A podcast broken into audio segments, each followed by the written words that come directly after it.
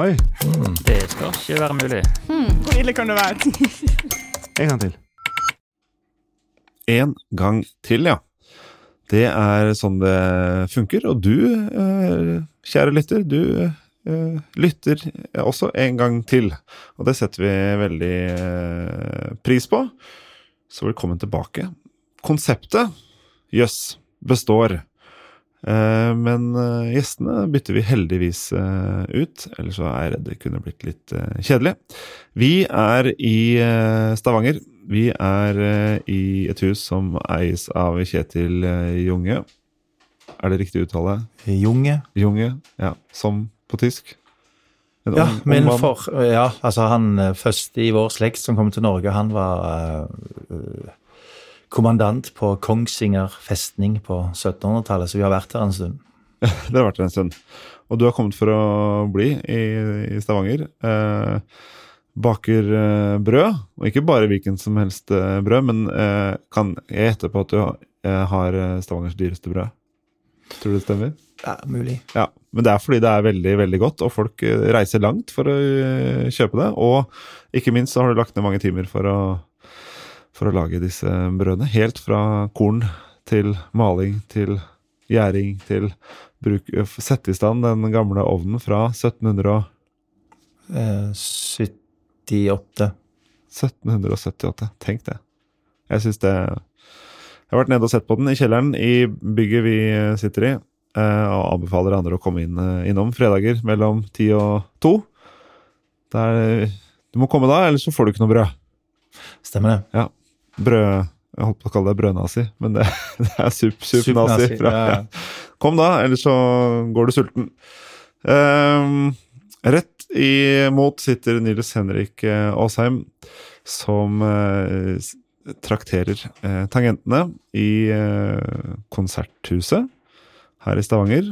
Eh, digert instrument, vanskelig å ta med seg. 4500 piper, Ja. og de eh, står samlet. ja. Og det gjør mektig inntrykk på, på folk. Det gjør det. Både utsiden og innsiden av instrumentet også Når man tar folk med på omvisning i pipeskogen også, så får Ja. man et inntrykk for livet. Pipeskogen, ja. Det er gøy. eh, Ja, det er liksom den første metaforen som faller meg inn, for det, de står sånn tett, Ja. pipene. Eh, og så er det veldig organisk. Når du kommer inn i orgelet, så lukter det fremdeles friskt treverk, selv om det er ti år gammelt. ja. Det er en egen lukt av det. Mm. Kan jeg spørre hvilken treverk de har brukt? Det er mange. Det er furu, gran og sånt. Og så er det eik for de mest, eh, kan du si, de tingene som eh, trenger å være mest solide. da. Eh, og så er det seder, blant annet. Som brukes der hvor det skal være veldig spenstig. Og det er altså en riktig type fjæring i lange trespiler. Men du tenker fyringsved, du. Nå, det er ikke lov. Du kan ikke tenke Nei, altså, jeg, for, for, meg... Gå i annen skog og finn din ved. for meg så er den ultimate veden er jo eh, lønn. Eh, Da Ja. eh, plantanlønn eh, som eh, vokser eh, i fjellstrøkene på nordsiden av Middelhavet. Det er nok lønn også i fasaden. Jeg tror det I konserthuset er det både ask og lønn, hvis jeg ikke tar helt feil, i, eh, veldig, som har en veldig fin farge. Ja, så vi har, vi har noe til felles her, altså. Ja. Utrolig tror jeg nok. Men den lønnen du snakker om, den er litt utskjelt. Her i Norge. Ja, men den var ekstremt ettertraktet eh, når bakeri ble bygd. Ja. Eh, Det er jo en Det er jo en eh, tresort som ble importert eh, til Nord-Europa fra Sør-Europa på 1700-tallet for å lage eh, alleer til kirkebygg. Og eh, det har en utrolig bra brennverdi, men eh, har òg noe som heter gaffelvekst, eh, som gjør at eh, treet blir veldig høyt før det utvikler greiner, og de greinene går da oppover. Men det er veldig få greiner, liten krone på disse trærne her. Og for meg som bruker det som ved og uten å bruke maskiner, er det jo helt fantastisk, for da kan jeg lage en meter lange skier og kløyve med øks. Ja, uten For det er ikke kvist. Det er ikke kvist, nei. Nei. Men disse, disse platanlønnene de lager jo et teppe som skygger for andre trær, stemmer ikke det?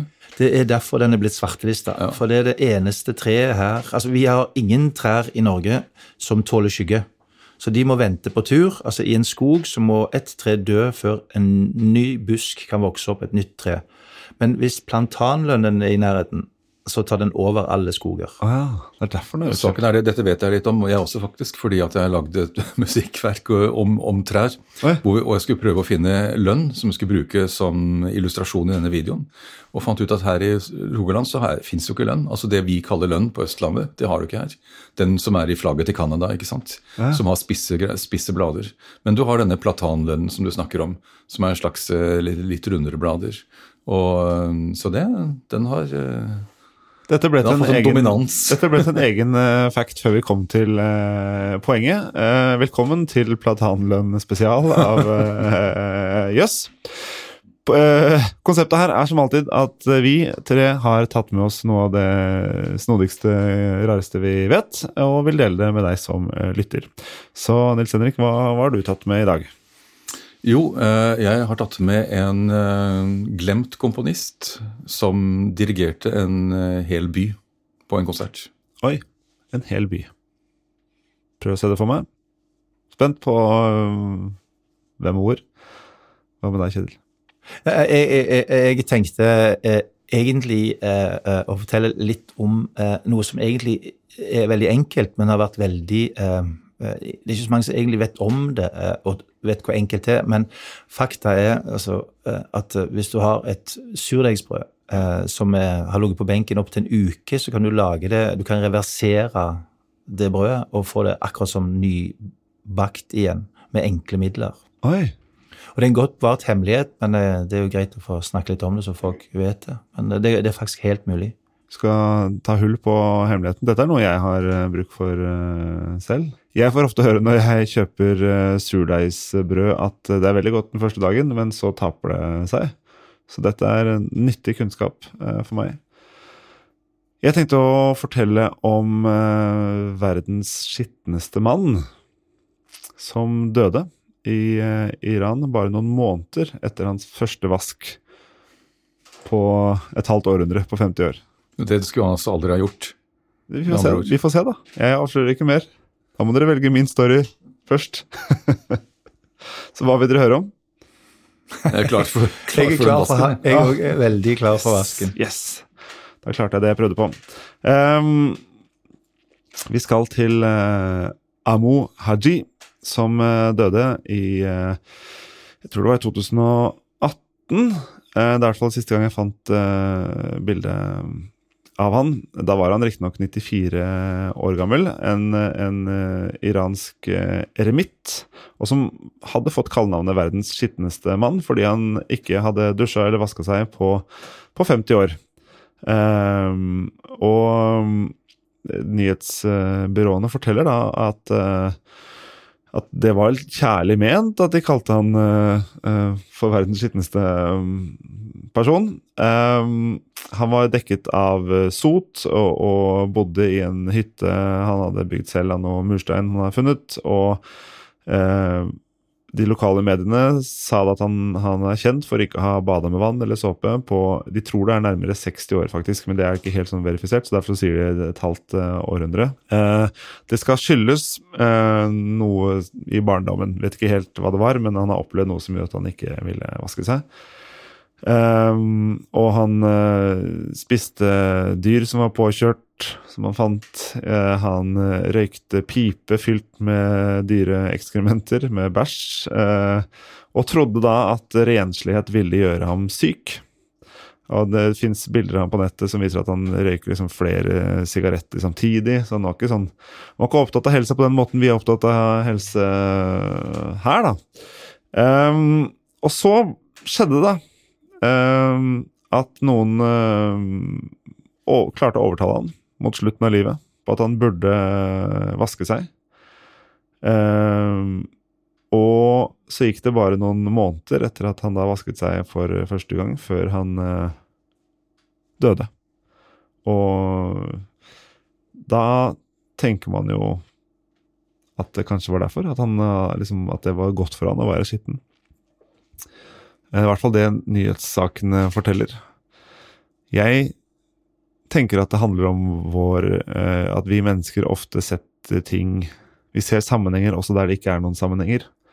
Vi føler oss syke, kanskje. Vi går til en behandling. Enten det er skolemedisin eller er noe alternativt, eller vi begynner å spise fire sitroner hver morgen, eller et eller annet sånn type ting.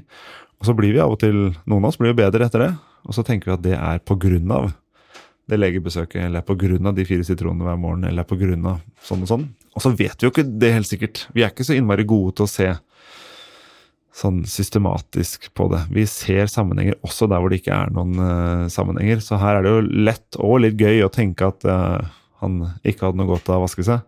Men det kan jo godt hende han hadde dødd. Han var 94 år gammel. At han ville dødd uh, uansett. Tenker jeg, da.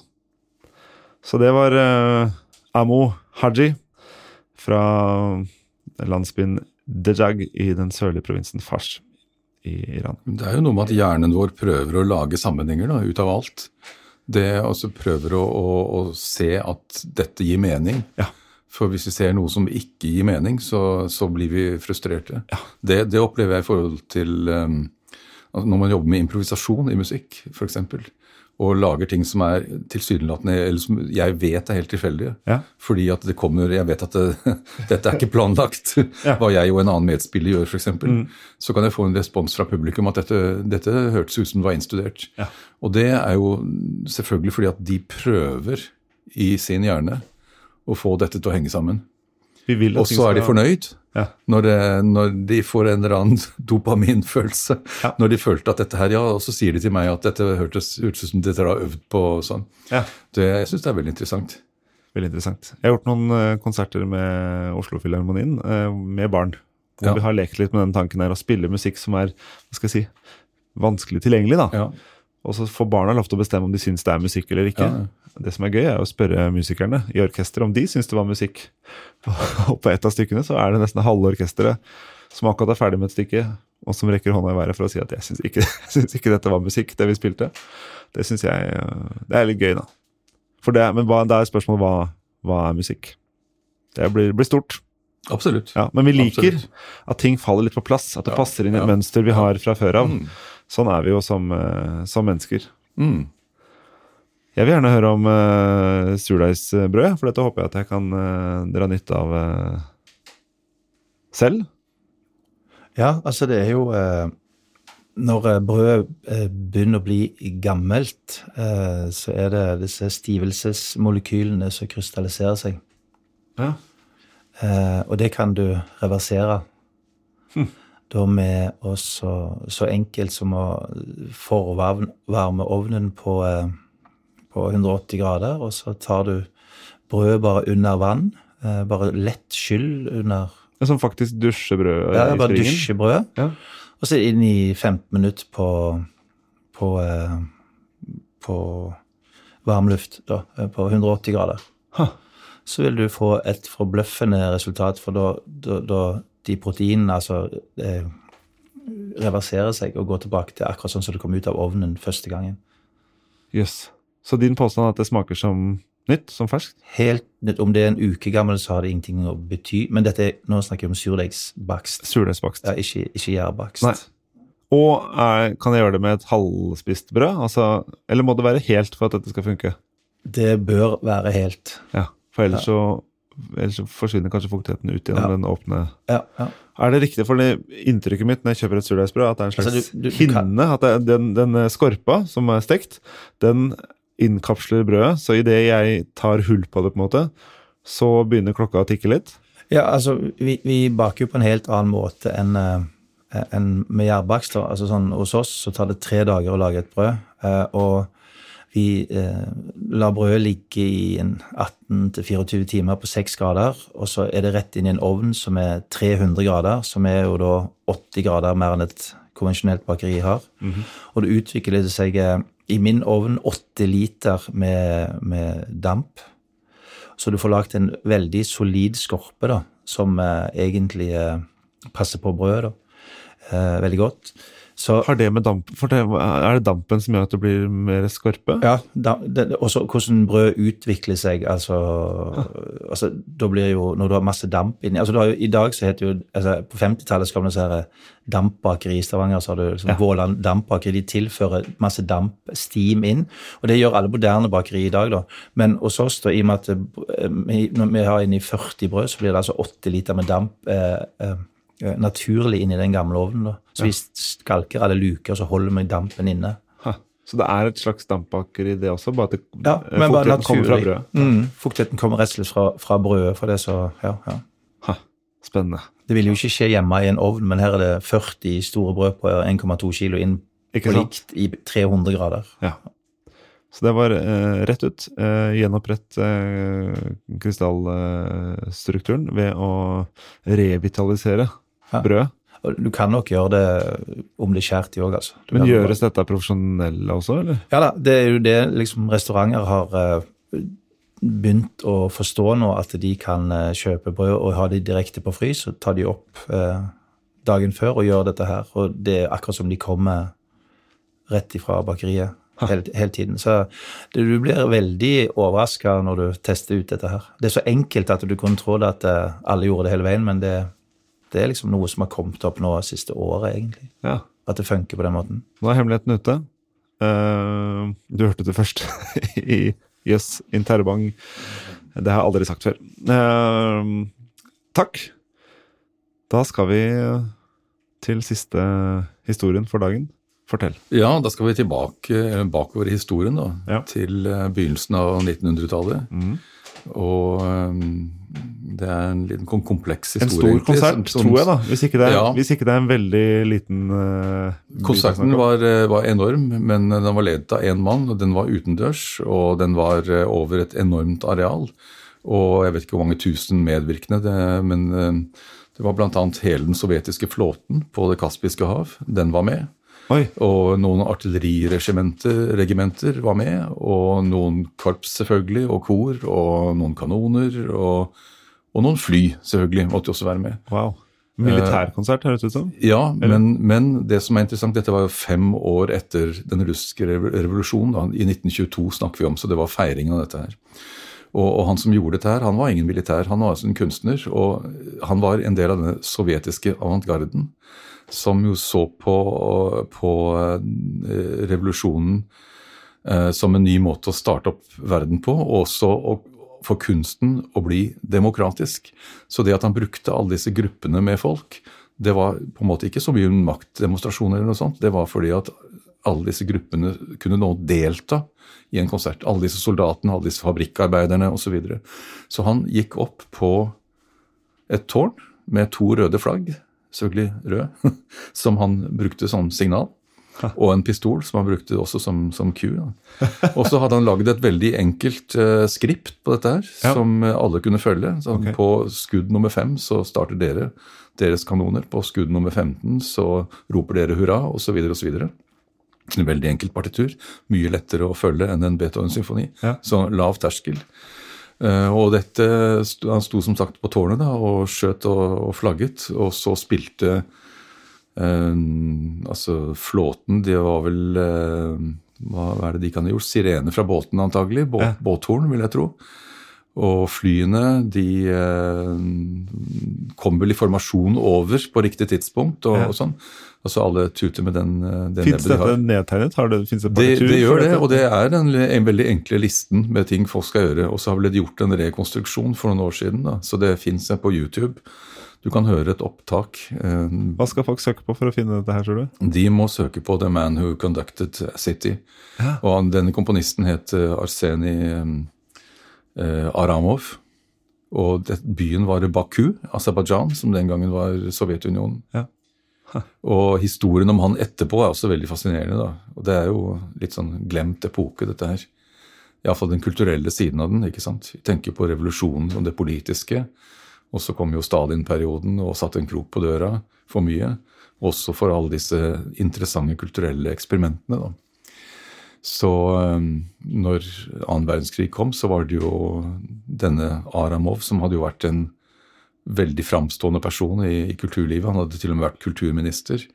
Han eh, døde fattig og ensom på ettroms leilighet med ti barn. og når han ble kulturminister, så eh, Det første han gjorde, var å gå til Lenin og sa kan jeg få lov å brenne alle pianoene i Sovjetunionen.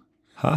Fordi piano for han var eh, Det var symbol på hierarkiet liksom mellom møblerte familier og arbeidsklassen. ikke sant? Og, og de representerte også en slags musikalsk eh, lovmessighet da, som han ville bort fra. Han ville fri, ikke bare frigjøre folk, men han ville frigjøre tonene.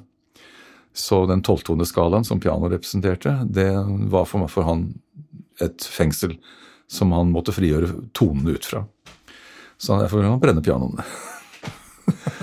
og det er mange andre detaljer. Han var en foregangsmann når det gjaldt å eh, definere hvordan man skulle lage synthesizer-lyd, annet.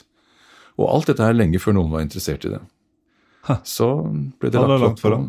Ja, langt framfor sin tid. De fleste av de tingene som han drømte om og prøvde å få i gang, det ble realisert 50 år etter eller 100 år etter. Ja. Jeg så det lyste litt i øynene dine da du snakka om denne store konserten. Hva, hva med Stavanger by? Jeg har gjort det samme i litt mindre format, jeg. også, Ja. Men eh, jeg har stått på tak i Stavanger by og dirigert skip og sirener og Ja, ja. Ja, så Ja. gøy. Det, Åssen er det? var, Det en det var et kick. det er en voldsom forsinkelse, er det ikke det? Stå. Ja, ja da. Jeg måtte, jeg måtte utvikle en veldig seig, stor armteknikk kan du Ja. si, for å være tydelig nok når jeg dirigerte. Og så måtte jeg stole på at det som skjedde, skjedde. Ja. For det, det kom ikke tilbake med en gang. Virker ikke å lytte til det kommer tilbake. Så hadde jeg, jeg hadde jo musikere i 360 grader rundt meg. da. Blant Ja. annet så hadde jeg en gjeng med trombonister i balkongene til Bergesen-bygget, som ligger i bunnen av havna. Eh, og så jeg visste nå slår jeg de inn, ikke sant. Og jeg kan ikke snu meg helt innover. Jeg må bare vite at uh, når Det jeg slår, så kommer de. Ellers så har et eller annet gått feil, men de kom. Gøy. Veldig fascinerende. Jeg ser for meg den store konserten. Er det riktig at det ikke er eh, Det er ikke skrevet på tradisjonelle noter, for du skal ha med deg Forsvaret, så det var mer en liste over hendelser med, med Q for når de skulle inn, osv. Helt riktig. Ja. Ja. Alt fikk plass på ett ark. Og det det var noe musikkinnslag her, men da, det var typen Nå synger dere Internasjonalen. ikke sant? Ja. Men dere begynner bare gradvis, og så blir det sterkere og sterkere. Og så etter Q nummer 15 så kommer det og det, det regimentet og overdøver denne og sånn. og det, det er sånn På denne måten så setter han sammen en komposisjon med lag på lag av, eh, av eh, grupper da, som gjør sine ting som de kan. Jeg syns det er fascinerende. Ja, det skjønner jeg Så- godt. Mm. Men en annen veldig fascinerende ting han gjorde, var dette med elektronisk musikk. da, Hvis jeg får lov til å nevne det Ja, også. Det er var en, en virkelig fun fact. Er han fordi- eh, far, på en måte? det kan man godt si, men det er sikkert mange som hevder at de er det. da, Men Ja. det han gjorde, var at han tegnet eh, altså lydbølger på film. Ja. Det som heter optisk lydspor. Som var på eh, ikke sant, optisk lyd, som var på de første lydfilmene. Og da han fant ut at ok, det de bruker mikrofoner og spiller inn optisk lyd der, men man kan også tegne rett på. Ja, og så tegnet han lyd, ja. Ja. Fordi han var også fysiker, han visste at lyden er et sikksakk-mønster. ikke sant? Det er en bølge som gjentar seg. Så han tegnet f.eks. sagtannbladlignende bølger. Det må ha vært ganske mye tegning i øret, tror jeg, for det, det sekundene går fort når filmrullen eh, ruller. Men jeg har sett noen bilder av det, og det ser fascinerende ut. Det er rader av sånne bølgeformer. Så han tegnet syntesisert lyd. Jeg tenkte, Før det så var all, det var opptakslyd eller livelyd, og så Mm. plutselig kom noen og sa det. Men jeg kan, tegne, jeg kan bare tegne inn eh, Ikke sant? lyden. Ja, Og så kom det toner som ingen hadde hørt før. For det var rene sinustoner, f.eks. Som du må ha en tonegenerator for å produsere. Det hadde han tegnet. Jeg syns Wow. det er litt fascinerende hva folk med visjoner kan få til. Altså, ut fra det de tenker seg fram til. Enig. Vi er kommet til veis ende. Hva syns dere var aller mest eh, overraskende eller jøss? jøss?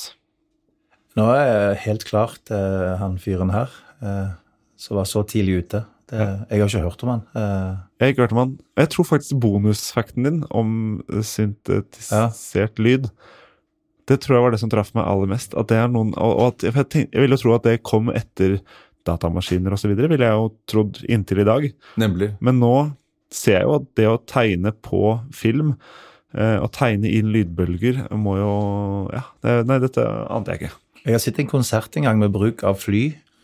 Ja. Og det er jo Terje Rypdal. Han hadde jo med sant. seg F-16-fly. Mm. Eh, Ja, ja. Det var voldsomt. Ja, Ja, Aramov hadde også et prosjekt med fly hvor hvert, hvert fly skulle ha sin egen tonegenerator. Ja. Så eh, det ble aldri noe av, da. Men det var antagelig lavtflyvende fly eller zeppeliner eller noe sånt. Ulikt tenkte, uh, turtall på motoren og sånn. Kan ja, ja, det jo- kan ha vært noe sånt òg, rett og slett. Gøy. Mm. Uh, men da får du to stemmer og stikker hjem med seieren, Nils Henrik. Tusen takk til begge to for at dere kom, og at vi fikk komme hit i over, overetasjen til bakeriet. Eh, og takk til deg som fortsetter å lytte til Yes in Terrobang. Vi høres om en ukes tid. Ha det!